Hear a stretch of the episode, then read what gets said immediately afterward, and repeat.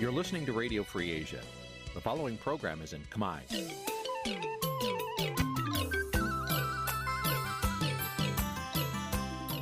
នេះជាកម្មវិធីផ្សាយ Vuthu Azizi Serai នេះជាកម្មវិធីផ្សាយរបស់ Vuthu Azizi Serai ជាភាសាខ្មែរ Vuthu Azizi Serai សូមស្វាគមន៍លោកអ្នកនាងទាំងអស់ពីរដ្ឋធានី Washington នៃសហរដ្ឋអាមេរិក បាទពីរដ្ឋធានីវ៉ាស៊ីនតោនខ្ញុំបាទសេកបណ្ឌិតសូមជម្រាបសួរអស់លោកអ្នកនាងកញ្ញាទាំងអស់ជាទីមេត្រីយើងខ្ញុំសូមជូនកម្មវិធីផ្សាយសម្រាប់ព្រឹកថ្ងៃអង្គារ12កើតខែបុស្សឆ្នាំខាលចត្វាស័កពុទ្ធសករាជ2566ត្រូវនៅថ្ងៃទី3ខែមករាគ្រិស្តសករាជ2023បាទជាដំបូងនេះសូមអញ្ជើញអស់លោកអ្នកនាងស្ដាប់ព័ត៌មានប្រចាំថ្ងៃដែលមានមេត្តាដូចតទៅ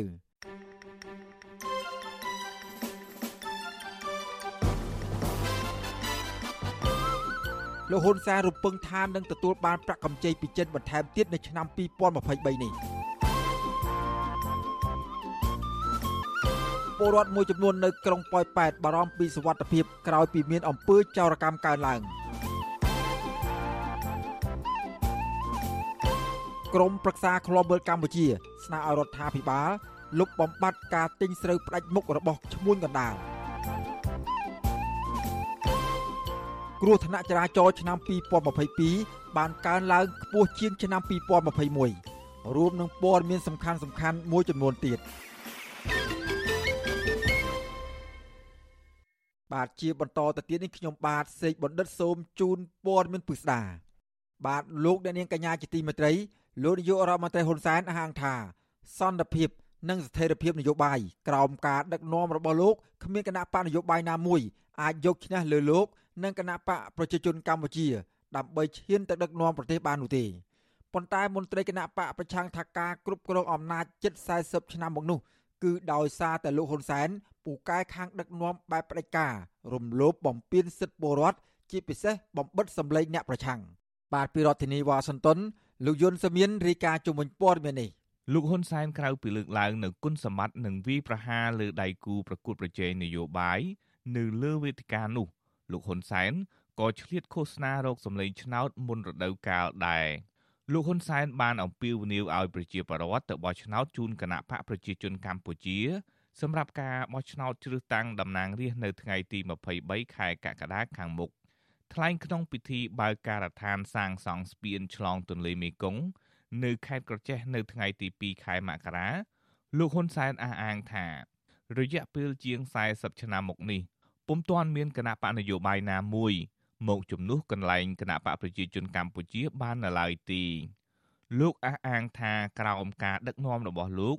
បាននាំឲ្យប្រទេសមានសុខសន្តិភាព ស្ថិរភាពនយោបាយ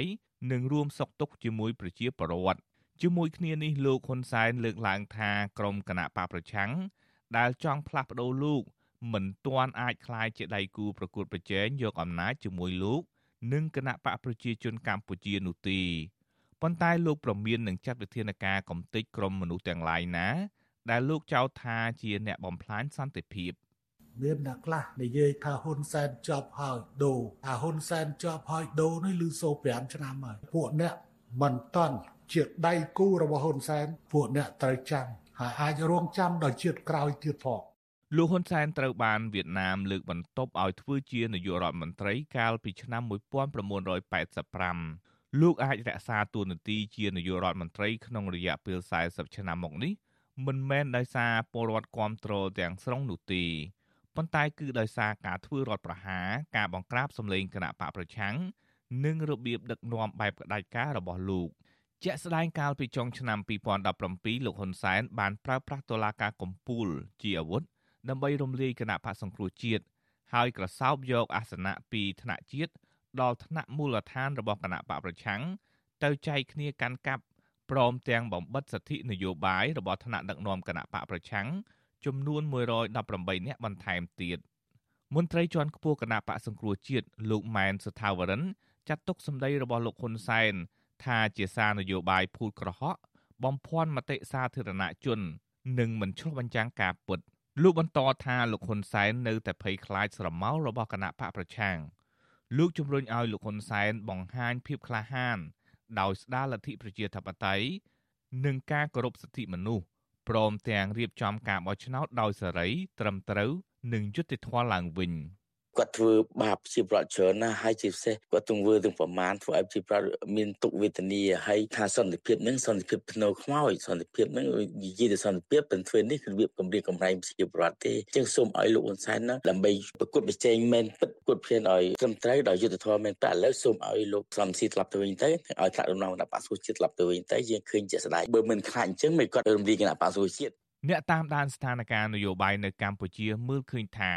លោកហ៊ុនសែនអួតអាងអំពីស្នាដៃនិងសមត្ថភាពដឹកនាំនៅពេលនេះគឺគ្មានអ្វីចម្លែកនោះទេបណ្ឌិតសេងសេរីថាសង្គមប្រជាធិបតេយ្យមេដឹកនាំត្រូវជ្រើសរើសដោយពលរដ្ឋហើយទម្លាក់ដោយពលរដ្ឋប៉ុន្តែការបោះឆ្នោតនៅកម្ពុជាកន្លងមក តែងរងការរិះគន់ពីមតិជាតិនិងអន្តរជាតិថាមិនទាន់បានប្រព្រឹត្តទៅដោយត្រឹមត្រូវសេរីនិងយុត្តិធម៌លោកបណ្ឌិតសេងសេរីយល់ថាដើម្បីដឹងច្បាស់ថា គណៈបកកណ្ដាលអំណាចឬគណៈបកនយោបាយផ្សេងទៀតទទួលបានការគ្រប់គ្រងច្រើនឬក៏អត់នោះគឺត្រូវផ្ដល់សិទ្ធិឲ្យពលរដ្ឋជាអ្នកជ្រើសរើសដោយសេរីធានាឯករាជ្យភាពរបស់ស្ថាប័នបោះឆ្នោត និងផ្ដល់ភាពយុត្តិធម៌សម្រាប់គូប្រកួត ស្របតាមគោលការណ៍លទ្ធិប្រជាធិបតេយ្យខ្ញុំគិតថាការធានានៅស្ថាប័នបោះឆ្នោតឲ្យមានភាពឯករាជ្យ ត្រឹមត្រូវ មានតម្លាភាពមានយុត្តិធម៌អានេះវាជារឿងសំខាន់ដែលរដ្ឋាភិបាលត្រូវធានា ដើម្បីធ្វើម៉េចឲ្យការបោះឆ្នោតហ្នឹងអាចទទួលយកបាននៅពេលខាងមុខបន្តទៀតណាបាទអង្គការឃ្លាំមើលសិទ្ធិមនុស្សអន្តរជាតិ Human Rights Watch រកឃើញថា ក្នុងរយៈពេលជាង3ទសវត្សរ៍មកនេះលោកហ៊ុនសែនគឺជាមេដឹកនាំដែលកាន់អំណាច បានយូរតាមរយៈការប្រើប្រាស់អំពើហិង្សា ការគៀបសង្កត់ ការបន្លំការបោះឆ្នោត ការប្រព្រឹត្តអំពើពុករលួយ និងការគ្រប់គ្រងពីរដ្ឋាភិបាលវៀតណាមយុទ្ធសាស្ត្រដែលលោកហ៊ុនសែនចូលចិត្តប្រើនោះគឺការសម្លាប់មនុស្សនៅក្រៅប្រព័ន្ធការធ្វើទរណកម្មការចាប់ឃុំខ្លួនតាមអំពើចិត្តការបំបិតសិទ្ធិសេរីភាពជួបជុំនិងការប្រមូលផ្ដុំគ្នាជាដើមខ្ញុំយុនសាមៀនវត្តជូអាស៊ីសេរីប្រធានាធិបតី Washington បាទលោកនាងកញ្ញាជាទីមេត្រីគណៈឆ្នាំចាស់ផ្លាស់ចូលឆ្នាំថ្មី ឆ្នាំសកល2023អ្នកច្បាប់ទោះទាយថា កម្ពុជាក្រោមការដឹកនាំរបស់លោកហ៊ុនសែននឹងមានទំនោរឆ្ពោះទៅរកការរំលោភសិទ្ធិមនុស្សនិងបំពានច្បាប់ថែមទៀតការព្យាករណ៍នេះធ្វើឡើងស្របពេលដែលលោកហ៊ុនសែនកាន់តែបង្កើនយុទ្ធនាការកំទេចសម្លេងគាំទ្រគ្មានត្រាប្រណីតាមរយៈការប្រើប្រាស់ប្រព័ន្ធតុលាការ ដើម្បីផ្ដាច់ផ្លូវដង្ហើមគូប្រកួតប្រជែងនយោបាយរបស់លោកទាំងផ្នែកនយោបាយនិងផ្នែកហិរញ្ញវត្ថុអ្នកច្បាប់ថាមេបកកាន់អំណាចរូបនេះកំពុងគ្រប់គ្រងកម្ពុជាដោយយកច្បាប់ជាឧបករណ៍មិនមែនយកច្បាប់ជាធំនោះទេតើការគ្រប់គ្រងរដ្ឋដោយយកច្បាប់ជាធំ និងការគ្រប់គ្រងរដ្ឋយកច្បាប់និងតុលាការជាឧបករណ៍នោះខុសគ្នាបែបណា បាទសូមលោករនាងរងចាំស្ដាប់សេចក្តីរាយការណ៍ពិស្ដារអំពីរឿងនេះនាពេលបន្តិចទៀត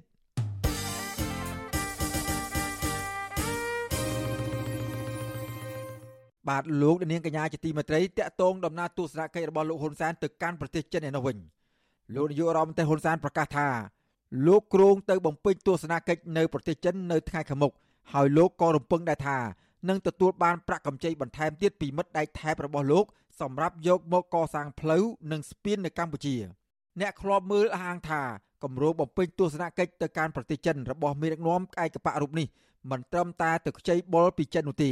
ប៉ុន្តែលោកហ៊ុនសែនក៏នឹងទៅពឹងពាក់ឲ្យចិនជួយគ្រប់គ្រងផែនការផ្ទៃអំណាចឲ្យកូនប្រុសរបស់លោកផងដែរបាទពីរដ្ឋធានី Washington លោកនៅវណ្ណរិនរាយការណ៍ជុំវិញព័ត៌មាននេះថ្លែងក្នុងពិធីបើកការដ្ឋានសាងសង់ស្ពានកាត់ទន្លេមេគង្គខេត្តក្រចេះនិងផ្លូវតភ្ជាប់ក្រោមកម្ចីចិនលោកហ៊ុនសែនបានឲ្យដឹងថាលោកកំពុងស្វែងរកកម្ចីពីមិត្តដែកថែបរបស់លោកបន្ថែមទៀតសម្រាប់យកមកអភិវឌ្ឍស្ពាន និងហេដ្ឋារចនាសម្ព័ន្ធនៅកម្ពុជា លោកហ៊ុនសែនក៏បានបង្ហើបផងដែរថាលោកកំពុងតែរៀបចំផែនការដើម្បីទៅបំពេញទស្សនកិច្ចនៅក្នុងប្រទេសចិនពេលខាងមុខ ហើយខ្ញុំសង្ឃឹមថានឹងមានឱកាសដែលកំពុងតែធ្វើការសម្របសម្រួលគ្នាដើម្បីទស្សនកិច្ចរបស់ខ្ញុំទៅកាន់សាធារណរដ្ឋប្រជាមានិតចិននៅពេលខាងមុខនេះហើយពេលនោះច្បាស់ណាស់ថានឹងមានគម្រោងថ្មីថ្មីបន្ថែមទៀតនៅក្នុងដំណើរទស្សនកិច្ចនោះរាប់ទាំងផ្លូវលបឿនលឿនទី2ដែលតបជាប់ភ្នំពេញទៅព្រំដែនវៀតណាមតាមរដ្ឋពេលនេះយើងបានចរចារួចរាល់ហើយហើយយើងនឹងបញ្ចេញនៅថវិការបស់យើងឆ្លងធ្វើស្ពានឆ្លងកាត់ទន្លេមេគង្គប្រមាណជា200លានដុល្លារសហរដ្ឋអាមេរិកក្រៅពីការថ្លែងសារឃោសនានយោបាយរបស់ប្រទេសចិនលោកហ៊ុនសែនក៏បានប្រកាសអំពីលក្ខខណ្ឌងាយស្រួលសម្រាប់ជនជាតិចិនចូលមកប្រទេសកម្ពុជា ដោយលោកថាភ្ញៀវទេសចរចិននេះឯងគឺបានជួយជំរុញសេដ្ឋកិច្ចកម្ពុជាឲ្យកាន់តែប្រសើរឡើងទោះជាយ៉ាងណាក្តីការដែលលោកហ៊ុនសែនគ្រងទៅបំពេញទស្សនកិច្ចនៅប្រទេសចិននេះស្របពេលដែលអ្នកតាមដានស្ថានភាពនយោបាយរិះគន់ថា លោកហ៊ុនសែនកំពុងបង្កើនទំនាក់ទំនងជាមួយប្រទេសចិនកុម្មុយនីសដើម្បីគាំទ្រលើផែនការផ្ទេរអំណាចទៅកូនប្រុសច្បងរបស់លោកអគ្គលេខាធិការសហព័ន្ធនិស្សិតបញ្ញវន្តកម្ពុជា លោកគៀនពន្លក មានប្រសាសន៍ថា គម្រោងទស្សនកិច្ចរបស់លោកហ៊ុនសែនទៅប្រទេសចិនក្នុងគ្រាដែលចិនមានផ្ទុះជំងឺ Covid សាជាថ្មីនេះគឺជាការឆ្លុះបញ្ចាំងឲ្យឃើញថាលោកហ៊ុនសែននៅតែបន្តបង្ហាញពីមិត្តភាពរវាងប្រទេសចិនក្នុងនាមជាមិត្តដៃថែបគ្រប់កលៈទេសៈលោកយល់ថាជាធ្នូមកវិញលោកហ៊ុនសែនក៏ចង់ទាមទារឲ្យរដ្ឋាភិបាលចិនគ្រប់គ្រងលើគម្រោងការផ្ទេរអំណាចរបស់លោកទៅកូនប្រុសច្បង គឺលោកហ៊ុនម៉ាណែត។ ទេសចិនកំពុងផ្ទុះជំងឺ Covid-19 ធ្ងន់ធ្ងរដែរមិនទាន់មានវិធានការជាក់លាក់ក្នុងការទប់ស្កាត់ជំងឺ Covid-19 ទេចឹងហើយសម្ដេចនាយករដ្ឋមន្ត្រីហ៊ុនសែនមុនការបោះឆ្នោតឆ្នាំ2023នេះលោកនឹងទៅធ្វើទស្សនកិច្ចនៅប្រទេសចិនម្ដងទៀតជាមួយនឹងកូនប្រុសច្បងរបស់លោកនេះគឺជាអ្វីដែលលោកនឹងរៀបចំការផ្ទេរអំណាចទៅឲ្យអេដាមហ៊ុនម៉ាណែតដែលទាមទារឲ្យមានការគ្រប់គ្រងពីបណ្ដាប្រទេសជាមិត្តជាពិសេសគឺប្រទេសចិននឹងឯង លោកគៀនពន្លកបន្តថាក្នុងរបបនយោបាយកម្ពុជានៅពេលបច្ចុប្បន្ននេះរដ្ឋាភិបាលលោកហ៊ុនសែនពុំគួរបង្ហាញភាពលំអៀងទៅកាន់ប្រទេសណាមួយនោះទេខណៈដែលកម្ពុជា កំពុងជាប់គាំងនយោបាយព្រមទាំងមានការបោះឆ្នោតជ្រើសតាំងតំណាងរាស្ត្រសម្រាប់ឆ្នាំ2023នេះផងលោកថាអ្វីដែលរដ្ឋាភិបាលគួរធ្វើនោះ គឺត្រូវស្ដារប្រជាធិបតេយ្យនិងការគោរពសិទ្ធិមនុស្សព្រមទាំងធានាឯករាជ្យភាពនៃស្ថាប័នរៀបចំការបោះឆ្នោតកោជបដើម្បីបញ្ជាការរិះគន់និងទទួលរងទណ្ឌកម្មបន្ថែមទៀតពីសហគមន៍អន្តរជាតិឆ្លើយតបទៅនឹងការលើកឡើងនេះអ្នកនាំពាក្យគណៈបកប្រជាជនកម្ពុជាលោកសុកអេសានថ្លែងថាការលើកឡើងរបស់អ្នកខ្លាំមើលគឺគ្មានមូលដ្ឋានច្បាស់លាស់នោះទេ លោកថាគម្រោងទស្សនកិច្ចរបស់លោកហ៊ុនសែនទៅប្រទេសចិនគឺក្នុងក្របខ័ណ្ឌមិត្តភាពសាមគ្គីភាពរវាងមេដឹកនាំនៃប្រទេសទាំងពីរតែប៉ុណ្ណោះលោកបន្តថាគម្រោងទស្សនកិច្ចនេះរដ្ឋាភិបាលមិនទាន់បានកំណត់ថ្ងៃខែជាក់លាក់នៅឡើយនោះទេ ទៅស្រុកចិនទៅពឹងគេរឿងខ្មែរតើរឿងទេរឿងអីនៅបេក្ខជននាយករដ្ឋមន្ត្រីអាហ្នឹងជារឿងខ្មែរគណៈបកនយោបាយរបស់កម្ពុជា អ្នកណាប្រកួតប្រជែងក្នុងការបោះឆ្នោតអានឹងសិតតែមានសិទ្ធិក្នុងការជ្រើសរើសបេក្ខជននាយករដ្ឋមន្ត្រីរបស់ខ្លួនហើយហើយអ្នកអស់លោកអ្នកវិភាគហ្នឹងលោកអត់យល់ពីបញ្ហាតែអស់នោះទេយកតែពីរឿងលំអៀងខាងនយោបាយមកមូលបង្កាច់សភាពការពិតនៅកម្ពុជា អ្នកវិភាគនយោបាយគឺលោកកឹមសុខមើលឃើញថាគម្រោងទស្សនកិច្ចរបស់លោកហ៊ុនសែនទៅប្រទេសចិនគឺពុំមានអ្វីក្រៅពីពង្រឹងនៅទំនាក់ទំនងល្អជាមួយប្រទេសចិន ដើម្បីបង្កើនទំនុកចិត្តលើវិស័យពាណិជ្ជកម្មផ្នែកហិរញ្ញវត្ថុកម្ចីអន្តទានកម្ចីសម្បត្តិនៅមុនពេលផ្ទេរអំណាចទៅកាន់កូនប្រុសច្បងរបស់លោកនោះទេ លោកហ៊ុនសែនប្រកាសពីគម្រោងទស្សនកិច្ចនៅប្រទេសចិនក្នុងឆ្នាំ2023នេះគឺស្របពេលដែលប្រទេសចិនកំពុងផ្ទុះជំងឺ Covid-19 សារជាថ្មីលោកហ៊ុនសែនក៏ទំនងជាអាចបង្ហាញពីភក្តីភាពរបស់ខ្លួនក្នុងការទៅជួបមេដឹកនាំចិនសារជាថ្មី គ្រាដែលប្រទេសកុម្មុយនីសមួយនេះកំពុងជួបគ្រោះអាសន្នកាលពីដើមឆ្នាំ2020កន្លងទៅ ក្នុងគ្រាប្រទេសចិនកំពុងរាតត្បាតដោយជំងឺ Covid លោកហ៊ុនសែនក៏បានដឹកដៃកូនប្រុសច្បងរបស់ខ្លួន គឺលោកហ៊ុនម៉ាណែតទៅជួបមេដឹកនាំចិនផងដែរដោយពេលនោះលោកហ៊ុនសែនថាដំណើរទស្សនកិច្ចនេះគឺជាការបង្ហាញពីសាមគ្គីភាព និងភក្តីភាពជាមួយមិត្តភ័ក្តិដៃថែបរបស់លោក និងលើកទឹកចិត្តដល់និស្សិតខ្មែរនៅប្រទេសចិនឲ្យរួមសុខទុក្ខជាមួយប្រទេសចិន ក្នុងគ្រាមានផ្ទុះជំងឺរាតត្បាតសកលខ្ញុំបាទនៅវណ្ណរិន វិទ្យុអាស៊ីសេរីពីរដ្ឋធានី Washington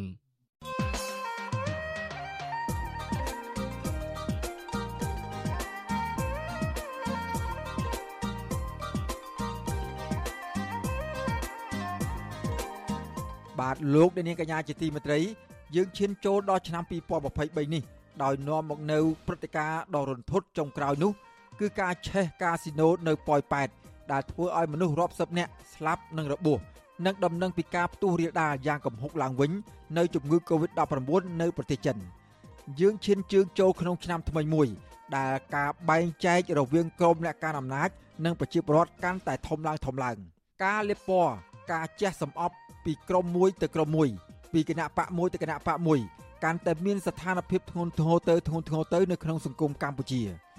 យើងឈានជើងចូលដល់ឆ្នាំថ្មី2023 គ្រាដែលលោកហ៊ុនសែនហាក់កំពុងជ្រួលច្របល់ប្រញែកប្រញាប់នាវេលាចុងក្រោយលៃលោករកវិធីក្នុងការផ្ទេរអំណាចទៅឲ្យកូនប្រុសរបស់លោកឲ្យខាងតែបានតើកម្ពុជា ក្នុងឆ្នាំ2023នេះអាចនឹងមានស្ថានភាពធូរស្រាលជាងឆ្នាំមុនដែរឬទេតើលោកហ៊ុនសែនអាចនឹងសម្រេចគោលបំណងក្នុងការរៀបចំផ្ទៃអំណាចឲ្យកូនបានដែរឬទេ ក្នុងឆ្នាំ2023នេះបាទនៅរាត្រីថ្ងៃអង្គារទី3ខែមករានេះ យើងនឹងមានកិច្ចពិភាក្សាមួយអំពីរឿងនេះជាមួយនឹងអ្នកវិទ្យាសាស្ត្រនយោបាយនិងអ្នកវិភាគសង្គមពីររូបសូមអស់លោកដានាង រងចាំតាមដានចូលរួមកុំបីខានឡើយបើសិនជាលោកដានាង មានមតិយោបល់ឬក៏មានសំណួរសួរទៅកាន់វិលក្មេងរបស់យើងសូមអស់លោកដានាងដាក់លេខនៅក្នុងខ្ទង់ comment ដែលវិទ្យុអសីសេរីកំពុងផ្សាយផ្ទាល់តាមបណ្ដាញសង្គម Facebook និង YouTube នោះក្រុមការងាររបស់វិទ្យុអសីសេរីនឹងហៅត្រឡប់ទៅលោកអ្នកវិញ បាទសូមអរគុណ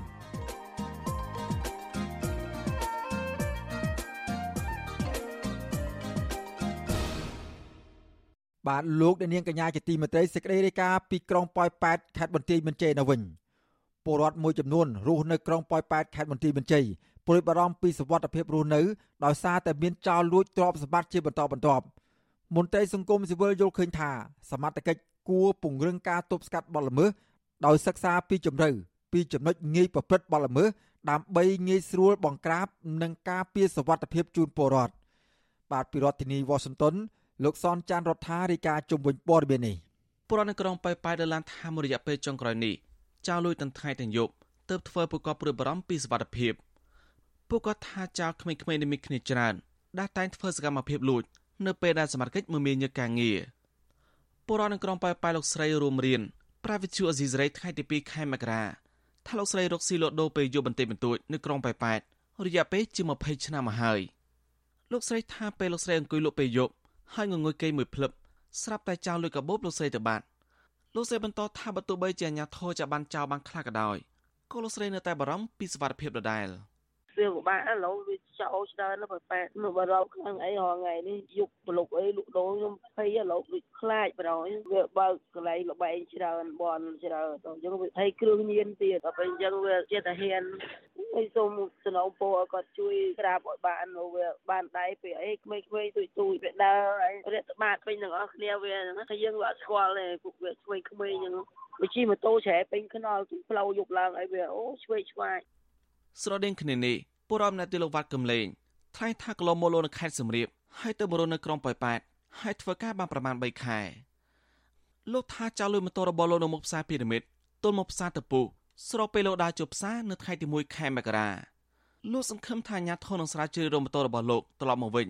ហើយពង្រឹងសន្តិសុខសុវត្ថិភាពដល់ប្រជាពលរដ្ឋដែលរស់នៅក្នុងក្រុងប៉ោយប៉ែត ដាក់ផ្ដើមទៅមិញហើយទៅលេងថាចាំគាត់នឹងទៅឆែកឲ្យអញ្ចឹងហ្មងពេលខ្ញុំទុកម៉ូតូហើយមានគ្នា3នាក់ឈុតខ្មៅតែដឹងថាប្រុសឬស្រីនឹងចូលទៅអូសម៉ូតូនឹងចេញអានោះសម្រាប់អ្នកក្នុងថៃគេនិយាយមកជាមួយមិត្តភ័ក្ដិខ្ញុំអញ្ចឹងថាគេបានឆែកមើលកាមេរ៉ាអញ្ចឹងណានិយាយទៅភាគច្រើនកន្លែងនោះតែអត់ទៅមានដាក់សបុតទេបងវាមានកន្លែងផ្ញើផ្ញើហ្នឹងកន្លែងហុំពាត់ហ្នឹងទូទេបងតែកន្លែងណាដែលផ្ញើដែលម៉ូតូចតចតអត់មានសិនសុខមើលហ្នឹងគឺច្រើនជាងកន្លែងផ្ញើអញ្ចឹងបងឆ្លើយតបរឿងនេះ ស្នងការនគរបាលខេមរទីមន្ត្រីលោកសិតឡោះប្រាវិជ្ជាស៊ីសេរីថាករណីមួយចំនួនដែលប្រោះផន់ច្រឡំម៉ូតូគ្នាហើយខ្លាចបាត់បង់ម៉ូតូពិតមែនប៉ុន្តែកម្លាំងសមត្ថកិច្ចតែប្រចាំការចាំបញ្ជានៅតាមគោលដៅរាល់ថ្ងៃហើយបង្ក្រាបបានមួយចំនួនហើយបញ្ជូនជលមើលទៅតុលាការជាបន្តបន្ទាប់លោកបន្តថាលោកសាទរចំពោះការចូលរួមផ្ដល់ព័ត៌មានបលល្មើសផ្សេងៗពីបរដ្ឋដើម្បីឲ្យសមាជិកអនុវត្តការងារតាន់ពេលវេលាលោកសិតឡោះបញ្ជាក់ថានៅក្រុងប៉ែប៉ែតគ្មានអសន្តិសុខហើយចោរច្រើន ដោយការលើកឡើងរបស់បរដ្ឋទេ ការបាត់ការអើយជំរាបបងណាក៏មានការភ័ន្តច្រឡំខ្លះច្រឡំម៉ូតូខ្លះមានការបាត់មានយើងរកឃើញណាអត់មានប្រជាពលរដ្ឋពូបារម្ភទេក្នុងយើងយើងរៀបចំសន្តិសុខសម្រាប់ក្នុងផែនការរបស់យើងគឺយើងធ្វើជាប្រចាំណាបងល្បាតត្រួតពិនិត្យក្នុងរូបភាពចំហ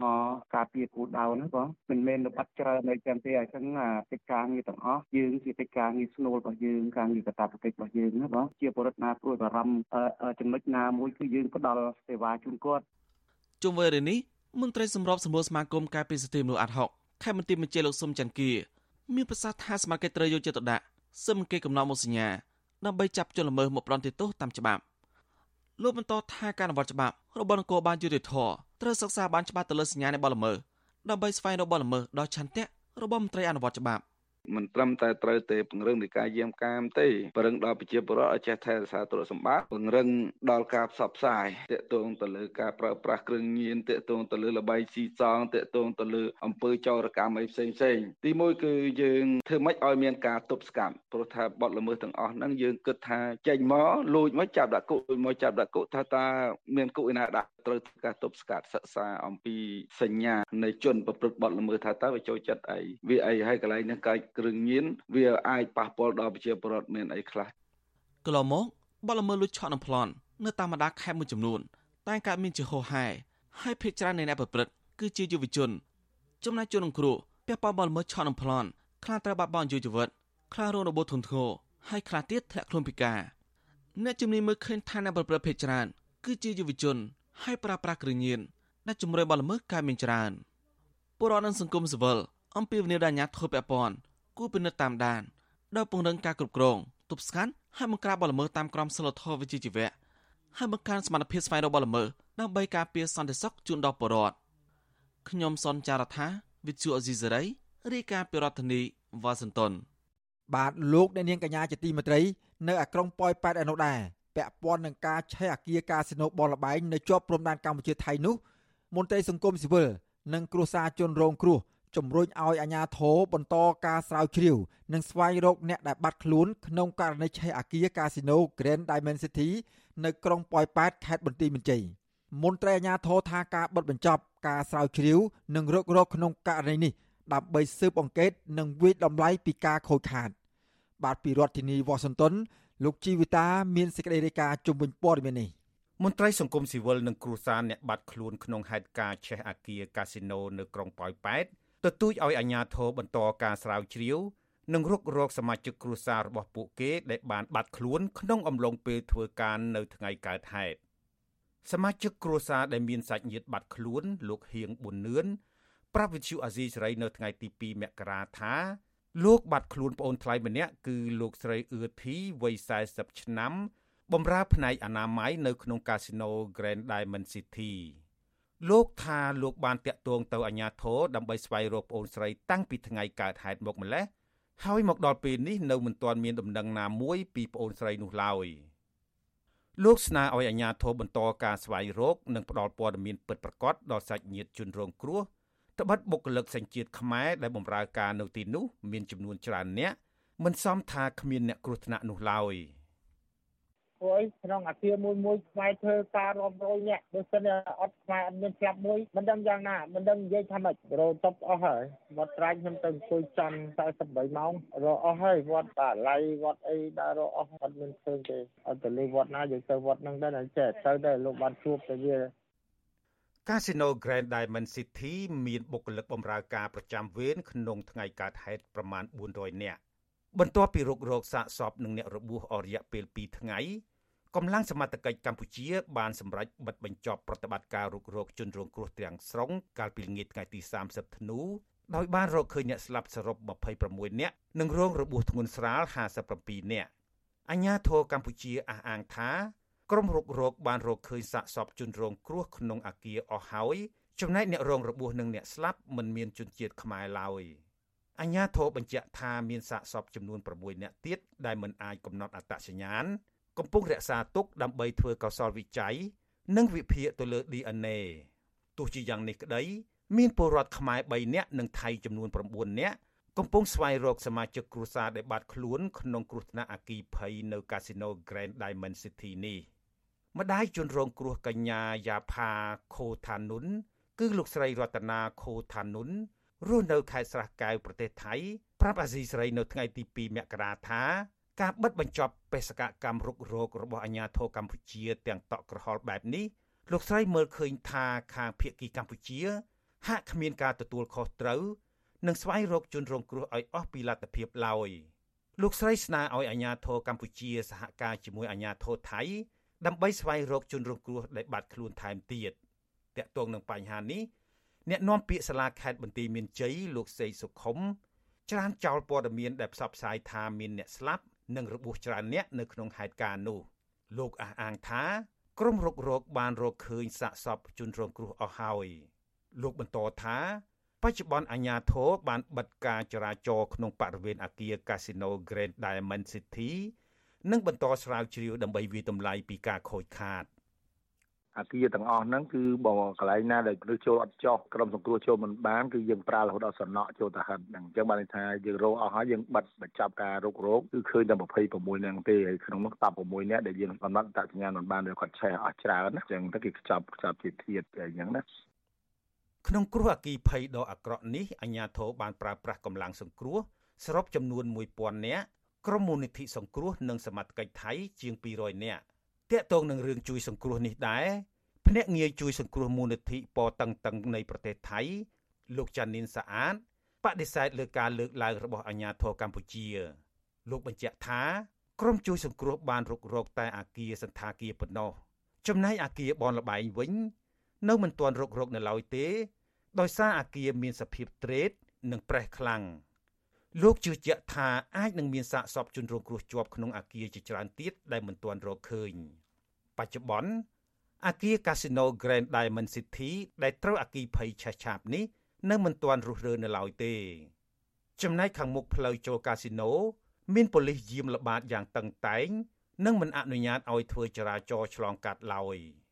ចំណែកបុគ្គលិកនិងសន្តិសុខដែលនៅក្នុងហេតុការណ៍ឆេះអាគារ Casino Grand Diamond City នេះ មិនហ៊ានផ្ដល់ព័ត៌មានអំពីហេតុការណ៍នេះឡើយដោយសារពួកគេខ្លាចបាត់បង់ការងារទោះជាយ៉ាងណាក៏ដោយចុះក្រមគ្រួសារជនរងគ្រោះនិងសង្គមស៊ីវិលស្នើដល់អាជ្ញាធរកម្ពុជាឲ្យបន្តរុករកជនរងគ្រោះដែលរកមិនទាន់ឃើញឲ្យអស់សិនមុននឹងបិទផ្លូវនិងវាយតម្លៃពីការខូចខាតដោយគិតគូរដល់អារម្មណ៍សមាជិកគ្រួសារជនរងគ្រោះប្រធានអង្គការសិទ្ធិមនុស្សអាត6លោកនីសុខា ស្នើដល់អាជ្ញាធរកម្ពុជាឲ្យរុករកជនរងគ្រោះបន្តទៀតយើងនៅតែស្នើឲ្យអាជ្ញាធរនឹងធ្វើយ៉ាងណាធ្វើការស៊ើបអង្កេតឲ្យបានម៉ត់ចត់ឲ្យបានដិតដល់ឲ្យមានរបាយការណ៍ច្បាស់លាស់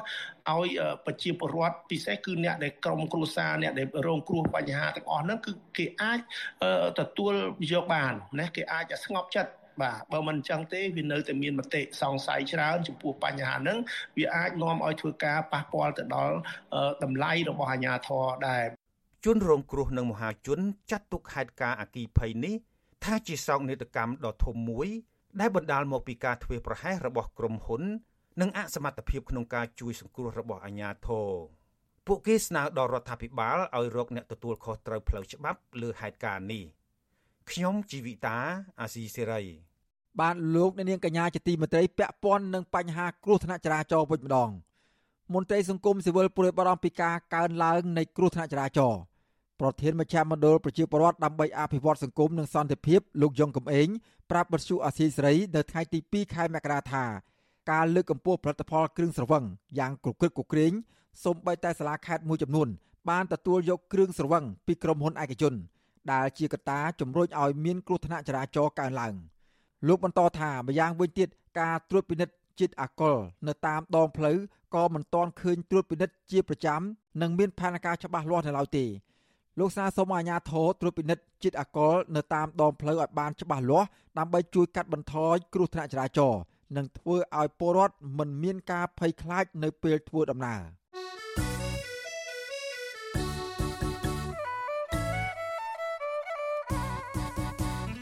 បាទលោកដានៀងកំពុងតាមដានស្ដាប់ការផ្សាយរបស់វិទ្យុអសីសេរីពីរដ្ឋធានីវ៉ាស៊ីនតោនសហរដ្ឋអាមេរិកកម្មវិធីផ្សាយរបស់វិទ្យុអសីសេរី ផ្សាយដំណើរគ្នាតាមរយៈរលកធារកាសខ្លីឬ Shortwave តាមកម្រិតនិងកម្ពស់ឬតទៅនេះពេលព្រឹកចាប់ពីម៉ោង5កន្លះដល់ម៉ោង6កន្លះតាមរយៈប៉ុស SW 9.39 MHz ស្មើនឹងកម្ពស់ 32m និងប៉ុស SW 11.85 MHz ស្មើនឹងកម្ពស់ 25m ពេលយប់ចាប់ពីម៉ោង7កន្លះដល់ម៉ោង8កន្លះតាមរយៈប៉ុស FW 9.39 MHz ស្មើនឹងកម្ពស់ 32m ប៉ុស SW 11.88 MHz ស្មើនឹងកម្ពស់ 25m និងប៉ុស SW 15.15 MHz ស្មើនឹងកម្ពស់ 20m បាទសូមអរគុណ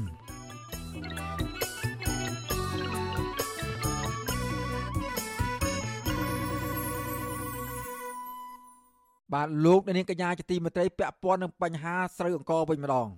ក្រមប្រឹក្សាឃ្លាំមើលកម្ពុជា ស្នើសុំឲ្យរដ្ឋាភិបាលលុបបំបាត់ការទិញស្រូវប្រាច់មុខពីក្រមឈ្មួញកណ្ដាលដើម្បីលើកកម្ពស់ជីវភាពប្រជាកសិករក្រោយពីបានចុះជួបជាមួយនឹងប្រជាកសិករធ្វើស្រែនៅខេត្តបាត់ដំបងជិត50នាក់កាលពីថ្ងៃទី1ខែមករាមន្ត្រីសង្គមស៊ីវិលគាំទ្រចំពោះការស្នើសុំនេះនិងជំរុញឲ្យរដ្ឋាភិបាលសហការជាមួយនឹងភាគីពាក់ព័ន្ធផលិតជីក្នុងស្រុកឲ្យបានឆាប់ឆាប់ ដើម្បីកាត់បន្ថយចំណាយរបស់កសិករក្រោយពីចុះជួបកសិករជិត50នាក់នៅខេត្តបាត់ដំបងក្រមប្រឹក្សាឃ្លាំមើលកម្ពុជារកឃើញថាបញ្ហាចម្បងដែលធ្វើឲ្យតម្លៃស្រូវរបស់ប្រជាកសិករចុះថោកនោះគឺបណ្ដាលមកពីការបណ្ដោយឲ្យឈ្មួញកណ្ដាលមានសិទ្ធិទិញស្រូវប្រាច់មុខដោយមិនអនុញ្ញាតឲ្យឈ្មួញជនជាតិថៃចូលទិញស្រូវពីប្រជាកសិករខ្មែរសមាជិកក្រុមប្រឹក្សាឃ្លាំមើលកម្ពុជាលោករងឈុន ដែលបានចុះជួបប្រជាកសិករនៅខេត្តបាត់ដំបងប្រមាណ50នាក់នៅស្រុកថ្មគោលស្រុករុក្ខគិរី ស្រុកឯកភ្នំ និងស្រុកបាវែលកាលពីថ្ងៃទី1ខែមករាបានប្រាប់បទសុអសីស្រីថាប្រជាកសិករដែលកំពុងប្រមូលផលស្រូវក្នុងខេត្តបាត់ដំបងកំពុងប្រឈមនឹងជីវភាពកាន់តែលំបាកព្រោះពួកគាត់បានចំណាយប្រាក់ប្រមាណ3លានរៀលដើម្បីធ្វើស្រែក្នុង1ហិកតាប៉ុន្តែតម្លៃស្រូវដែលពួកគាត់លក់បានមកវិញ បានត្រឹមតែប្រមាណ2លានរៀលតែប៉ុណ្ណោះក្នុង1ហិកតាលោកបន្ថែមថាតម្លៃស្រូវនាងខុនដែលក្រុមឈ្មួញទិញចូលមានតម្លៃជាមធ្យម800រៀលក្នុង1គីឡូនោះมันអាចឲ្យប្រជាកសិករទទួលបានប្រាក់ចំណេញឡើយពីព្រោះដើម្បីទូទាត់ថ្លៃចំណាយបានលុះត្រាតែស្រូវមានតម្លៃចាប់ពី1100រៀលក្នុង1គីឡូឡើងទៅ តកែរោងម៉ាស៊ីនស្រូវទាំងអស់ហ្នឹងมันមានការប្រកួតប្រជែងពីព្រោះគេមានសមាគមគេចងក្រងសមាគមដូច្នេះសមាគមដាក់តម្លៃមួយចឹងរោងម៉ាស៊ីនទាំងអស់ដែលជាសមាជិកសមាគមហ្នឹងគេដើរទិញទៅតាមសមាគមដាក់តម្លៃដូច្នេះរោងម៉ាស៊ីននីមួយៗហ្នឹងអត់មានការប្រកួតប្រជែងគ្នាទេលោករងឈុនបន្ថែមថាមូលហេតុសំខាន់ដែលបណ្ដាលឲ្យតម្លៃស្រូវធ្លាក់ចុះ គឺមិនមែនមកពីគុណភាពស្រូវអន់ឬតម្លៃនៅលើទីផ្សារអន្តរជាតិចុះថ្លៃនោះទេក៏ប៉ុន្តែបណ្ដាលមកពីអាញាធរមិនបើកឲ្យឈ្មួញប្រកួតប្រជែងតម្លៃគ្នាដើម្បីទិញស្រូវហើយក្រុមឈ្មួញកណ្ដាលដែលមានសិទ្ធិទិញស្រូវផ្ដាច់មុខទម្លាក់តម្លៃស្រូវទៅតាមចិត្តរបស់ពួកគេជាមួយគ្នានេះលោកស្នើសុំឲ្យអាជ្ញាធររដ្ឋាភិបាលបញ្ឈប់ឲ្យមានក្រុមឈ្មួញកណ្ដាលទទួលសិទ្ធិទិញស្រូវប្រាច់មុខដើម្បីលើកកម្ពស់ជីវភាពប្រជាកសិករឡើងវិញ ត្រូវឲ្យបើកច្រកឲ្យក្រុមហ៊ុនសៀមហ្នឹងមកចូលទិញស្រូវកម្ពុជាផងដើម្បីឲ្យមានការប្រកួតប្រជែងជាមួយអារ៉ូម៉ាស៊ីនស្រូវនៅកម្ពុជាយើងព្រមឲ្យស្រូវកម្ពុជាហ្នឹងមានថ្លៃហើយបើសិនជាអាជ្ញាធរកម្ពុជាយើងបាត់ខាងតកែសៀមមិនឲ្យចូលទិញស្រូវខ្មែរហើយបើកតែសម្រាប់តែសមាគមរោមម៉ាស៊ីននៅកម្ពុជាអញ្ចឹងរោមម៉ាស៊ីននៅកម្ពុជាហ្នឹងនៅក្រោមឆ័ត្រសមាគមដដែលវាអត់មានការប្រកួតប្រជែងដូច្នេះប្រជាពលរដ្ឋ គឺគាត់ប្រឈមទៅនឹងការខាតបង់ច្រើន ក្រសួងសេដ្ឋកិច្ចនិងហិរញ្ញវត្ថុកាលពីថ្ងៃទី21វិច្ឆិកាបានប្រកាសបញ្ចេញថវិកាជិត100លានដុល្លារលើមូលធិទិញស្រូវពីប្រជាកសិករដើម្បីបញ្ជាការទម្លាក់ថ្លៃពីឈ្មួញខលខូចទោះយ៉ាងណា អ្នកជំនាញកសិកម្មលើកឡើងថាដើម្បីអាចជួយទិញស្រូវរបស់ប្រជាកសិករទូទាំងប្រទេសក្នុងតម្លៃសមរម្យបាន រដ្ឋាភិបាលត្រូវបញ្ចេញកញ្ចប់ថវិកាប្រមាណ500លានដុល្លារឯណោះវិទ្យុអាស៊ីសេរីនៅពុំទាន់អាចតាក់ទងអ្នកនាំពាក្យក្រសួងកសិកម្មរុក្ខាប្រមាញ់និងនេសាទកញ្ញាអឹមរចនាដើម្បីសុំការបកស្រាយអំពីបញ្ហានេះបានឡើយនៅថ្ងៃទី2ខែមករាដោយទូរស័ព្ទចូលតែពុំមានអ្នកទទួលជុំវិញរឿងនេះប្រធានសមាគមសម្ព័ន្ធកសិករកម្ពុជាលោកថេងសាវឿន គាំទ្រចំពោះការស្នើសុំឲ្យរដ្ឋាភិបាលលុបបំបាត់ឈ្មួញកណ្ដាលដែលមានសិទ្ធិទិញស្រូវផ្ដាច់មុខពីប្រជាកសិករលោកបន្ថែមថាបើទោះបីជាក្រសួងកសិកម្មអាចធ្វើឲ្យកសិករចំណាយកាន់តែតិចក្នុងការដាំដុះស្រូវយ៉ាងណាក្តីប៉ុន្តែយន្តការនេះអាចនឹងបរាជ័យដដែលដោយសារឈ្មួញកណ្ដាលដែលមានសិទ្ធិទិញស្រូវផ្ដាច់មុខនិងទម្លាក់ថ្លៃស្រូវបន្ថែមទៀតទោះយ៉ាងណាលោកថេងសវឿននៅតែស្នើសុំឲ្យរដ្ឋាភិបាលសហការជាមួយនឹងដៃគូពាក់ព័ន្ធនានា ដើម្បីផលិតជីកសិកម្មក្នុងស្រុកឲ្យបានឆាប់ដើម្បីជួយកាត់បន្ថយការចំណាយរបស់ប្រជាកសិករខណៈបច្ចុប្បន្នប្រជាកសិករស្ទើរតែទាំងអស់នៅតែបង្ខំចិត្តទិញជីកសិកម្មពីក្រៅប្រទេសដែលមានតម្លៃថ្លៃ។ ឈ្មោះរកស៊ីគេមានសម្ព័ន្ធភាពគេមានបណ្ដាញគេមានក្រុមរបស់គេហើយក្នុងការបែងចែកតំបន់ឬក៏ខេត្តដើម្បីទទួលខុសត្រូវឬក៏ចែកគ្នារកស៊ីក៏ប៉ុន្តែក្រុមកសិករវិញអត់ទៅមានបណ្ដាញមានអីទេហើយព័ត៌មានទាក់ទងបញ្ហាទីផ្សាររបស់រដ្ឋដែលផ្ដល់ឲ្យហ្នឹងក៏មិនទាន់បានគ្រប់ទីជុំជ្រោយនៅឡើយអញ្ចឹងហើយជាហេតុធ្វើឲ្យការផ្ដាច់មុខឬក៏អីហ្នឹងបង្កើតឲ្យមានឱកាសនៃការកេងចំណេញឬក៏គេហៅថារកស៊ីក្នុងវិស័យកសិកម្មហ្នឹងអ្នកដែលចំណេញហ្នឹងចំណេញតែឈ្មោះដដែលតែសម្រាប់កសិករដែលជាអ្នកផលិតហ្នឹងអត់មានសល់អីគឺសល់តែបំណុលប្រជាកសិករនៅតាមបណ្ដាខេត្តនានាទូទាំងប្រទេសនៅតែត្អូញត្អែអំពីការលក់ស្រូវបានថោកដែលមិនអាចទូទាត់នឹងការចំណាយនៅក្នុងការធ្វើស្រូវបានឡើយអ្នកជំនាញកសិកម្មធ្លាប់បានលើកឡើងថាបើទោះបីជារដ្ឋាភិបាលបញ្ចេញទឹកប្រាក់ដើម្បីជួយទិញស្រូវពីកសិករនិងកំណត់តម្លៃស្រូវយ៉ាងណាក្តីប៉ុន្តែឈ្មោះកណ្ដាលដែលបានចងក្រងបណ្ដាញគ្នា នៅតែបន្តទិញស្រូវក្នុងតម្លៃថោក ហើយប្រជាកសិករត្រូវបង្ខំចិត្តលក់ស្រូវដើម្បីសងបំណុលធនាគារនិងមិនអាចទុកស្រូវបានយូរ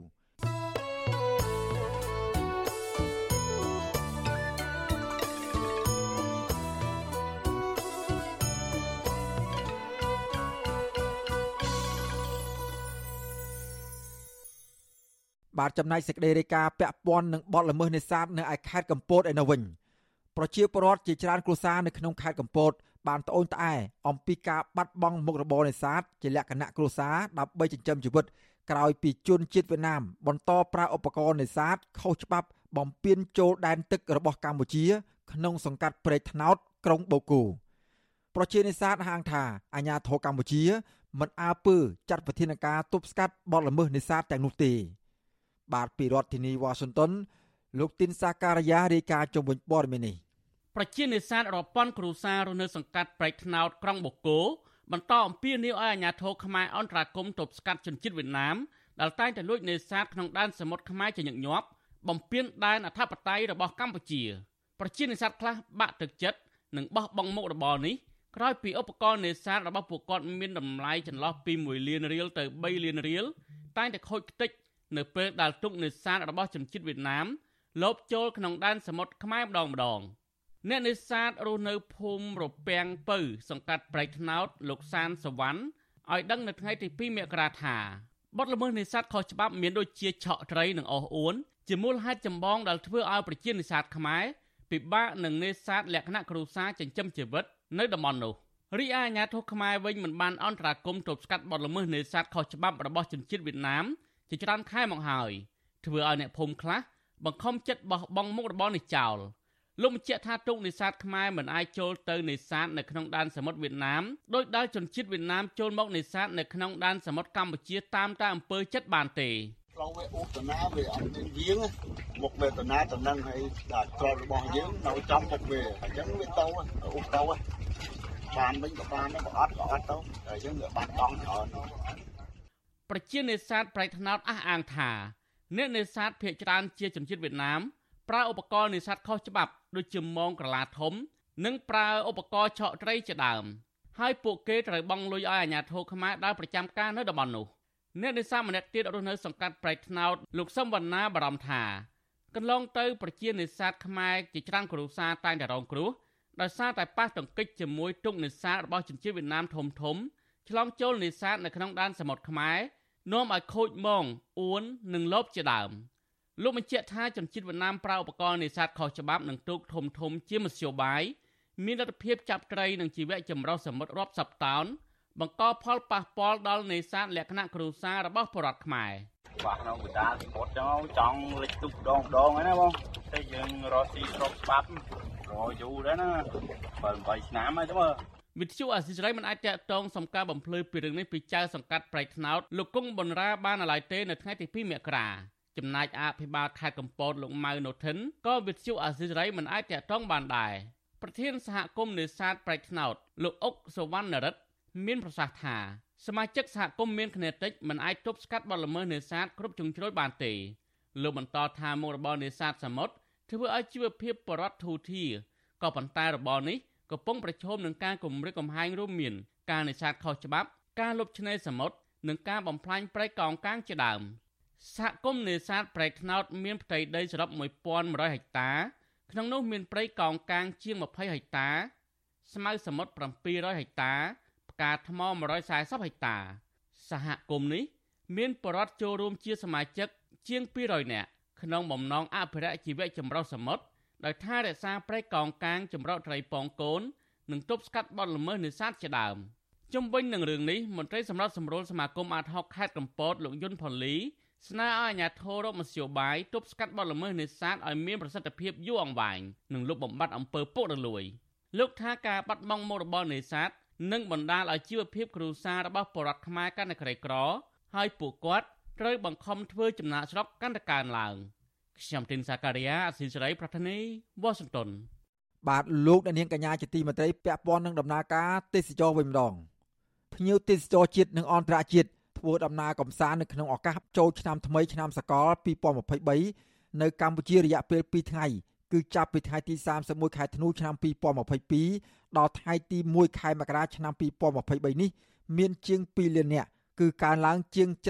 76%បើធៀបនឹងឆ្នាំ2022គេហទំព័រក្រសួងទេសចរបានចុះផ្សាយកាលពីថ្ងៃទី2ខែធ្នូឆ្នាំ2023បង្ហាញថាភ្ញៀវទេសចរភាគច្រើនជាភ្ញៀវជាតិមានជាង2លាននាក់ ឯភ្ញៀវបរទេសវិញ មានជិត20000នាក់ក្នុងនោះតំបន់ដែលមានទេសចរច្រើនជាងគេ គឺរាជធានីភ្នំពេញ មានជាង450,000នាក់បន្ទាប់មកនៅខេត្តបរសៃនុមានជាង330,000នាក់និងខេត្តសៀមរាបមានជាង330,000នាក់ចំណែកនៅឯខេត្តផ្សេងផ្សេងទៀតមានភ្ញៀវទេសចរចន្លោះពី70000ដល់330,000នាក់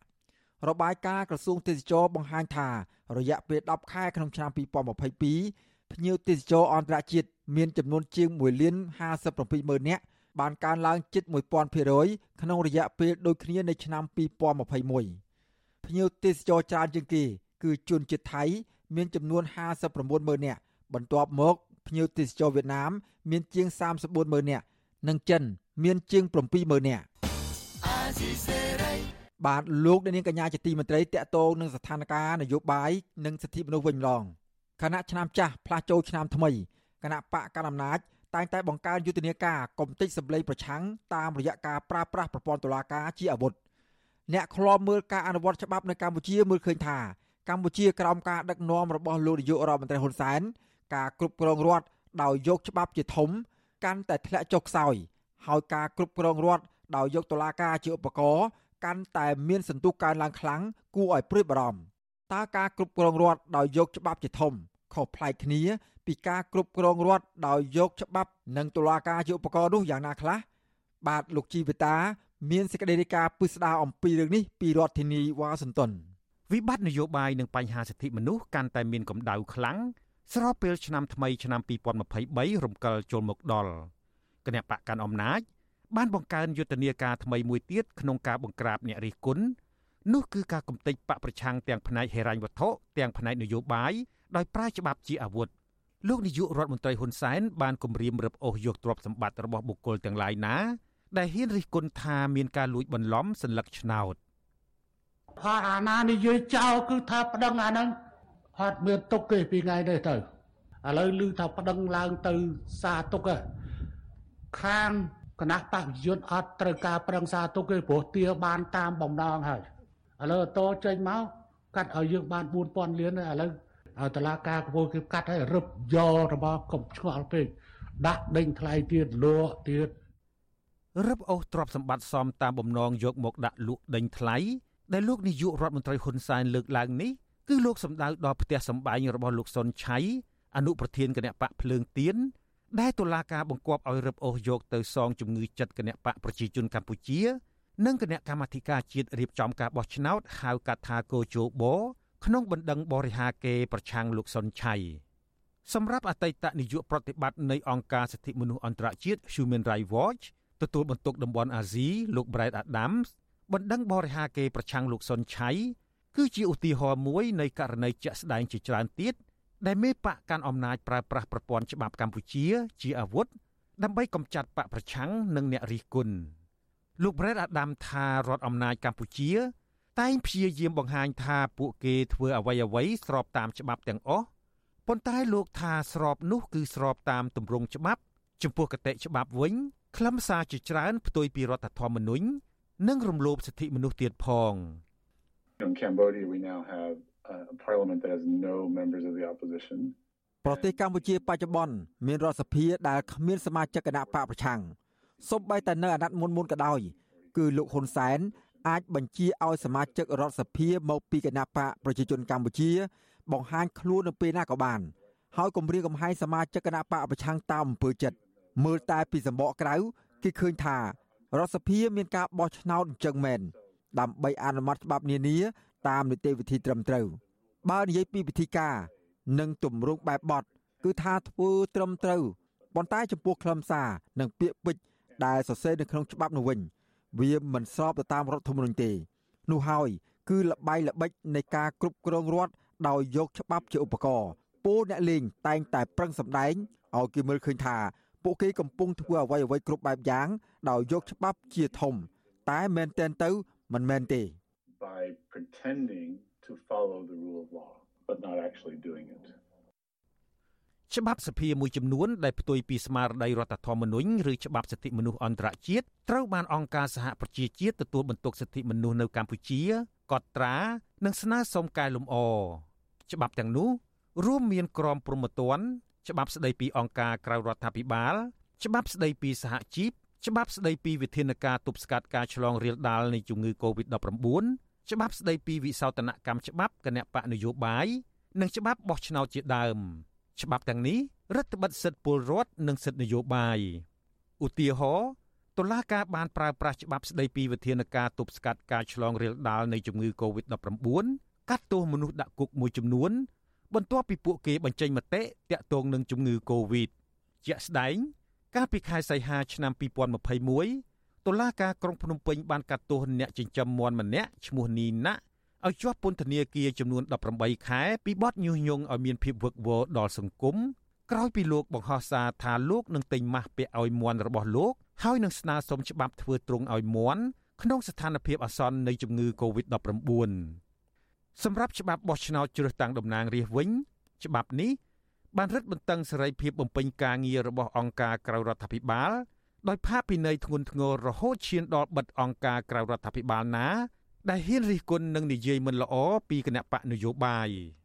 ច្បាប់នេះក៏គៀបសង្កត់ចាប់បង្ខំគណៈបកនយោបាយឲ្យទទួលយកលទ្ធផលបោះឆ្នោតក្រោយការបោះឆ្នោតម្ដងម្ដងផងដែរប្រសិនបើគណៈបកនយោបាយណាមួយហ៊ានតវ៉ាប្រឆាំងលទ្ធផលបោះឆ្នោតអាសនៈសភារបស់បកនោះនឹងត្រូវដកហូតទៅចែកឲ្យគណៈបកដទៃច្បាប់នេះក៏អនុញ្ញាតឲ្យកងប្រដាប់អាវុធចូលរួមឃោសនាឲ្យគណៈបកនយោបាយទៀតផង។ មន្ត្រីសង្កេតការបោះឆ្នោតនៃអង្គការ Confrel លោកកនសវាងរិះគន់ថាការអនុញ្ញាតឲ្យកងប្រដាប់អាវុធចូលរួមឃោសនាឲ្យគណៈបកនយោបាយណាមួយបាននោះវាធ្វើឲ្យប៉ះពាល់ដល់ការបោះឆ្នោតអភិបាលខេត្តកងកម្លាំងប្រដាប់អាវុធមន្ត្រីរាជការមន្ត្រីតុលាការនឹងលោកអាចមានសិទ្ធិដាក់ច្បាប់ពិសេស ចូលរួមឃោសនាចូលរួមដង្ហែបកអីជាដើមចឹងសួរថាតើតម្លៃនៅទូនាទីផលគាត់ទោះបីគាត់សុំច្បាប់ក៏ដោយប៉ុន្តែសម្រាប់យើងយើងឃើញថាវានៅតែមានការជះអតិពលទៅដល់ប្រជាពលរដ្ឋដែលជាម្ចាស់ឆ្នោតហ្នឹង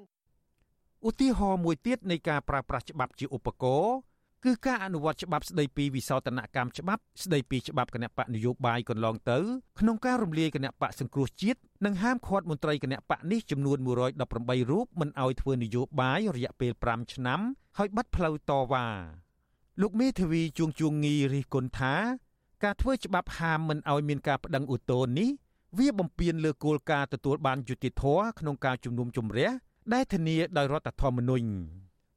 នៅក្នុងរឿងព្រមត្តននិងក្នុងរឿងក្តីរដ្ឋបវេនីទោះបីរឿងក្តីនឹងផ្សាយលេខាតឡាការកម្ពុជាចូលជាស្ថាពរក៏ដោយក៏ផ្លេចច្បាប់អនុញ្ញាតឲ្យភាគីដែលមានសុខចិត្តនឹងប្រសិទ្ធប្តឹងឲ្យទាមទារឲ្យជំនុំជម្រះសារឡើងវិញដែរប៉ុន្តែសេចក្តីសម្រេចរបស់តឡាការកម្ពុជាគឺបំពេញមែនទែនបិទផ្លូវតវ៉ាតែម្ដងនេះគឺជាសេចក្តីសម្រេចដែលផ្ដល់ភាពឈឺចាប់បំផុតសម្រាប់ថ្នាក់ដឹកនាំគណៈបកសង្គ្រោះជាតិគិតត្រឹមឆ្នាំ2019មកដល់ចុងឆ្នាំ2022 តុលាការបានប្រើប្រាស់ក្រមព្រហ្មទណ្ឌជាឧបករណ៍ចាប់បកប្រឆាំងអ្នកសារព័ត៌មានសកម្មជនការពារសិទ្ធិមនុស្សនិងបរិស្ថានព្រមទាំងពលរដ្ឋដែលបញ្ចេញមតិដាក់ពន្ធនាគារមិនតិចជាង100នាក់នោះទេភាគច្រើននៃបទចោទគឺការញុះញង់រួមគំនិតក្បត់និងប្រមាថមន្ត្រីរាជការបកកាន់អំណាចត្រូវបានគេមើលឃើញថាកំពុងប្រើប្រាស់ក្រមព្រហ្មទណ្ឌនិងតុលាការជាអាវុធដើម្បីបំបាក់ស្មារតី និងធ្វើឲ្យបកប្រឆាំងពីការទាំងផ្លូវនយោបាយទាំងមធ្យោបាយហិរញ្ញវត្ថុជាក់ស្ដែង គឺករណីអនុប្រធានបកភ្លើងទៀនលោកសុនឆៃដែលរងការប្តឹងពីគណៈបកប្រជាជនកម្ពុជា និងកោជបពីបទបរិហាកេ តាមមាត្រា305នៃក្រមព្រហ្មទណ្ឌក្រោយពីលោកសុនឆៃរិះគន់ថាការបោះឆ្នោតក្រុមប្រឹក្សាឃុំសង្កាត់អាណត្តិទី5កន្លងទៅ មានការលួចបន្លំសិលឹកឆ្នោត អ្វីដែលកន្ត្រាក់អារម្មណ៍សហគមន៍ជាតិនិងអន្តរជាតិខ្លាំងក្នុងសំណុំរឿងនេះគឺការដែលតុលាការបង្គាប់ឲ្យលោកសុនឆៃសងសំណងជំងឺចិត្តទៅស្ថាប័នទាំងពីរនេះជាទឹកប្រាក់ចំនួនជាង1លានដុល្លារអាមេរិកតុលាការបានបង្គាប់ឲ្យរឹបអូសអចលនទ្រព្យរបស់លោកសុនឆៃពីកន្លែងគឺនៅក្រុងភ្នំពេញនិងខេត្តសៀមរាបលោកសុនឆៃនៅតែប្រកាន់ជំហរថា អ្វីដែលលោកនិយាយគឺជាការបញ្ចេញមតិដោយអ្នកសង្កេតការដតីទៀតដែរ ហើយដូចជាមានកម្រងរួចទៅស្រេចទៅហើយកាត់សេចក្តីចប់សពគ្រប់គេនឹងរឹបអូសទ្រព្យសម្បត្តិដែលខ្ញុំមានបន្តិចបន្តួចដូចជាផ្ទះដែលខ្ញុំរស់នៅនេះហើយនឹងកូនផ្ទះមួយនៅក្នុងខេត្តសៀមរាបនោះប៉ុន្តែសម្រាប់បកកាន់អំណាចដែលតែងតែឈ្នះក្តីក្នុងសំណុំរឿងនយោបាយវិញសេចក្តីសម្រេចរបស់តុលាការគឺជាការអនុវត្តច្បាប់ដ៏ត្រឹមត្រូវអ្នកនាំពាក្យគណៈបកប្រជាជនកម្ពុជាលោកសុកអេសានយល់ថាចំនួនទឹកប្រាក់ជាង1លានដុល្លារ ដែលតុលាការបង្គាប់ឲ្យលោកសុនឆៃបង់សងជំងឺចិត្តទៅគណៈបករបស់លោកនិងគោជបនោះហាក់នៅតិចនៅឡើយទេមិនអាចយកមកលៀនមកលុបលៀងកិត្តិយសសេចក្តីថ្លៃថ្នូរតែបាត់បង់កន្លងទៅបានទេអ្នកសុនឆៃខ្លាំងលឹះណាតាណាទាំងអស់អាហ្នឹងជានយោបាយអត្តឃាតខ្លួនឯងកុំបន្ទុះគេអ្នកដតីកុំបន្ទុះដើមបណ្ដឹង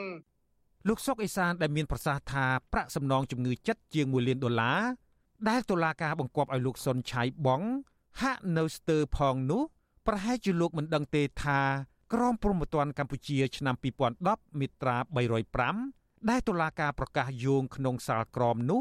មិនមានចែងអំពីប្រាក់សំណងជំងឺចិត្តបែបនេះទេមាត្រា305ចែងតែពីការផាកពិន័យដែលមានចំនួនទឹកប្រាក់ពី1សែនរៀលទៅ10លានរៀលឬស្មើប្រមាណ25ដុល្លារទៅ2500ដុល្លារ សម្រាប់បទល្មើសបរិហាកេជាសាធារណៈប៉ុន្តែមិនឃើញមានបញ្ញត្តិបង្គាប់ឲ្យសងជំងឺចិត្តនោះទេទោះជាយ៉ាងណា អ្នកច្បាប់ថាបើទោះជាចៅក្រមអាចមានឆន្ទានុសិទ្ធិក្នុងការបង្គាប់ឲ្យភាគីចាញ់ក្តី ក្នុងបទបរិហាកេសងសំណងជំងឺចិត្តក៏ចំនួនទឹកប្រាក់សំណងជំងឺចិត្តនោះត្រូវតែសមរម្យនិងសមាមាត្រពលគឺចៅក្រមមិនអាចចេះតែយល់ព្រមតាមការទៀមទាតាមទំនឹងចិត្តរបស់ដើមបណ្ដឹង ដែលអះអាងថាខ្លួនបានរងគ្រោះដោយសម្ដីនិយាយនោះឡើយតុលាការត្រូវតែពិនិត្យពិច័យឲ្យបានហ្មត់ចត់ថាតើបុគ្គលឬស្ថាប័នដែលអះអាងថាខ្លួនខូចខាតដោយសារពាក្យសម្ដីឬការផ្សព្វផ្សាយណាមួយនោះពិតជាខូចខាតឬប៉ះពាល់កិត្តិយសមែនឬទេ បើប៉ះពាល់ឬខូចខាតកេរ្តិ៍ឈ្មោះនោះប៉ះពាល់ដោយរបៀបណាទើបចៅក្រមត្រូវកណនាចំនួនទឹកប្រាក់ឲ្យសមាមាត្រឬសំរុំតាមការខូចខាត អ្នកសង្កេតការដែលតាមដានសំណុំរឿងបរិហាកេប្រឆាំងលោកសុនឆៃមានការពិបាកទទួលយកចំពោះទឹកប្រាក់សំណងជំងឺចិត្តដ៏ច្រើនសន្ធឹកមិនសមមាត្រនោះលើសពីនេះសម្ដីរបស់លោកសុនឆៃដែលនាំទៅដល់ការប្តឹងផ្តល់ពីគណៈបកប្រជាជនកម្ពុជានិងកោជបនោះអនុប្រធានគណៈបកភ្លើងទៀនរូបនេះថែមទាំងមិនបាននិយាយដល់ឈ្មោះស្ថាប័នទាំងពីរនេះទៀតផងតាមបទសម្ភាសរបស់លោកសុនឆៃ ដែលភាគីដើមចោតយកមកដាក់បន្ទុកនោះគេមិនបានលើលោកសុនឆៃនិយាយដល់ឈ្មោះគណៈបកប្រជាជនកម្ពុជា និងគណៈកម្មាធិការជាតិរៀបចំការបោះឆ្នោត ថាជាអ្នកលួចបន្លំសិលឹកឆ្នោតនោះទេហើយអ្វីដែលពលរដ្ឋលោកខំតស៊ូឆន្ទៈរបស់លោកទៅគេលួចបន្លំឬក៏បំបត្តិនោះវានៅសល់ប៉ុណ្ណឹងហើយបើយើងមិនយកតើវាបានអីដើម្បីទុកនៅតាមមូលដ្ឋានហ្នឹងដើម្បីឲ្យពលរដ្ឋអាចទៅពឹងពាក់បានដូចខ្ញុំប្រៀបធៀបនឹងចៅលួចគោអញ្ចឹង ចោលលួចគោអស់3នៅសល់2យើងឲ្យចោលលួច2ទៀតមានអ្នកណាធ្វើបែបហ្នឹងកើតមិនទទួលស្គាល់ការបោះឆ្នោតនេះទេវាមិនសេរីមិនយុត្តិធម៌ហើយវាមិនសមបញ្ឆ័ន្ទខាងពលរដ្ឋអ្នកច្បាប់សិទ្ធិមនុស្សលោក Brad Adams លើកឡើងថាប្រទេសភាគច្រើនលើលោកនេះគេមិនអោយស្ថាប័នមានសិទ្ធិប្តឹងពីបទបរិហាគេនោះទេ ពីព្រោះស្ថាប័នមិនមានអ្វីត្រូវឈឺចាប់នោះឡើយ institution is not a person so it doesn't have a reputation that can be harmed in law ក្នុងផ្លូវច្បាប់ស្ថាប័នមិនមែនជាមនុស្សទេដូច្នេះវាមិនមានកិត្តិយសគេឈ្មោះអីដែលត្រូវខូចខាតនោះទេបណ្ដឹងរបស់គណៈកម្មាធិការជ្រៀបចំការបោះឆ្នោតនេះគឺគ្រាន់តែបង្ហាញឲ្យគេឯងដឹងថា ស្ថាប័នមួយនេះគឺជាដៃជើងរបស់គណៈបកប្រជាជនកម្ពុជា ស្ថាប័នរៀបចំការបោះឆ្នោតមួយនេះមិនឆ្លាតគ្រប់គ្រាន់ ក្នុងការជៀសវាងមិនឲ្យគេមើលឃើញថា ខ្លួនជាផ្នែកមួយនៃគណៈបកប្រជាជនកម្ពុជា ពួកគេពិតជាល្ងងនៅពេលដែលគណៈបកប្រជាជនកម្ពុជា ប្រាប់ឲ្យធ្វើអ្វីមួយ ពួកគេក៏ធ្វើតាម សំណុំរឿងនេះគឺជារឿងនយោបាយទាំងស្រុងលោកសុនឆៃថ្លែងការដោយផ្អែកលើភ័ស្តុតាង នៅភាពមិនប្រក្រតីមួយចំនួន ដែលគេមើលឃើញ មាននៅលើបណ្ដាញសារព័ត៌មានជាសាធារណៈរួចទៅហើយមួយវិញទៀត លំហសេរីភាពនៃការបញ្ចេញមតិវាទលំទលាយណាស់នៅពេលអ្នកធ្វើកិច្ចការតាក់ទងទៅនឹងរឿងនយោបាយដូច្នេះអ្នកនយោបាយនិងស្ថាប័នពាក់ព័ន្ធនយោបាយដឹងហើយថាខ្លួននឹងប្រឈមជាមួយនឹងការរិះគន់នោះហើយគឺជាតម្លៃដែលពួកគេត្រូវលះបង់ក្នុងការបំពេញការងារតាក់ទងទៅនឹងការបោះឆ្នោតលោក Brad Adam បន្តថា ការដែលតុលាការបង្គាប់ឲ្យលោកសុនឆៃសងជំងឺចិត្តជាង1លានដុល្លារទៅគណៈបកកាន់អំណាចនិងកោជបទាំងគ្មានច្បាប់អនុញ្ញាតបែបនោះផង គឺជារឿងហួសហេតុលោកថានេះគឺជាឧទាហរណ៍នៃការកាត់សេចក្តីដ៏អយុត្តិធម៌ទាំងននលគោកមួយទៀតរបស់តុលាការកម្ពុជា ដែលលំអៀងទៅគណៈបកប្រជាជនកម្ពុជា It's a misuse of the law and if you look at real democracies នេះគឺជាការអនុវត្តច្បាប់ខុស បើសិនជាអ្នកក្រឡេកមើលប្រទេសប្រកាន់លទ្ធិប្រជាធិបតេយ្យពិតប្រាកដមនុស្សនិយាយតែបែបនឹងញឹកញាប់ណាស់ពួកគេរិះគន់រដ្ឋាភិបាលឬរិះគន់ស្ថាប័នរៀបចំការបោះឆ្នោតរិះគន់គណៈបកនយោបាយឬបេក្ខជន ដោយមិនមានការប្តឹងផ្ដាល់ពីទោសព្រមទាល់ឡើយ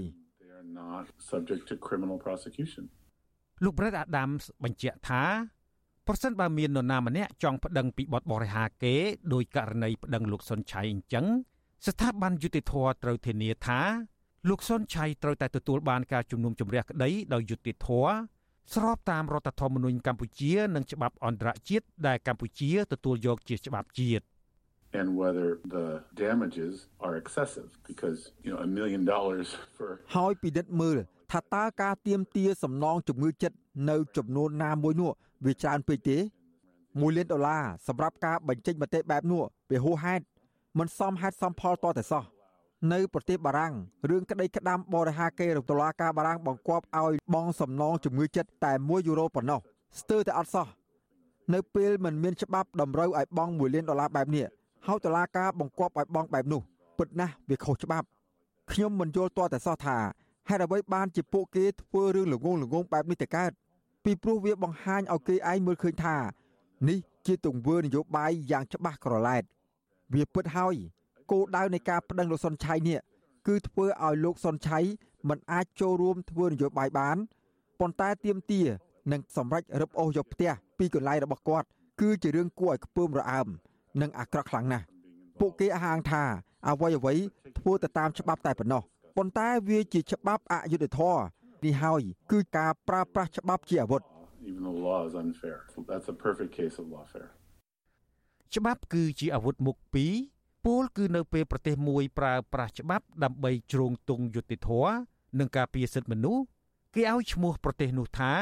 មានការគ្រប់គ្រងរដ្ឋដោយយកច្បាប់ជាធំ ការគ្រប់គ្រងរដ្ឋដោយយកច្បាប់ជាធំ គឺរដ្ឋាភិបាលគោរពច្បាប់ដែលផ្ដល់សិទ្ធិសេរីភាពដល់ពលរដ្ឋចំណែកឯការគ្រប់គ្រងរដ្ឋដោយយកច្បាប់ជាឧបករណ៍វិញ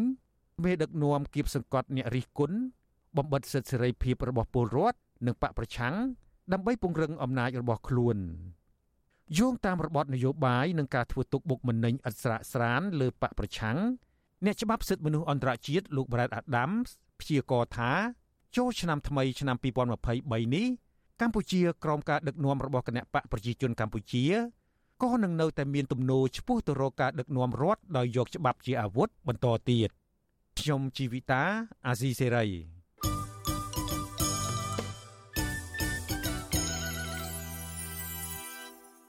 បាទលោកអ្នកនាងកញ្ញាជាទីមេត្រី ការផ្សាយរបស់វិទ្យុអសីស្រីសម្រាប់ព្រឹកថ្ងៃអង្គារនេះចប់តែប៉ុណ្ណេះយើងខ្ញុំសូមជូនពរអស់លោកអ្នកនាងឲ្យជួបប្រកបតែនឹងសេចក្តីសុខចម្រើនរុងរឿងកំបីគ្លៀងគ្លេឡើយខ្ញុំបាទសេកបណ្ឌិតនិងក្រុមការងារទាំងអស់នៃវិទ្យុអសីសេរី សូមអរគុណនិងសូមជម្រាបលា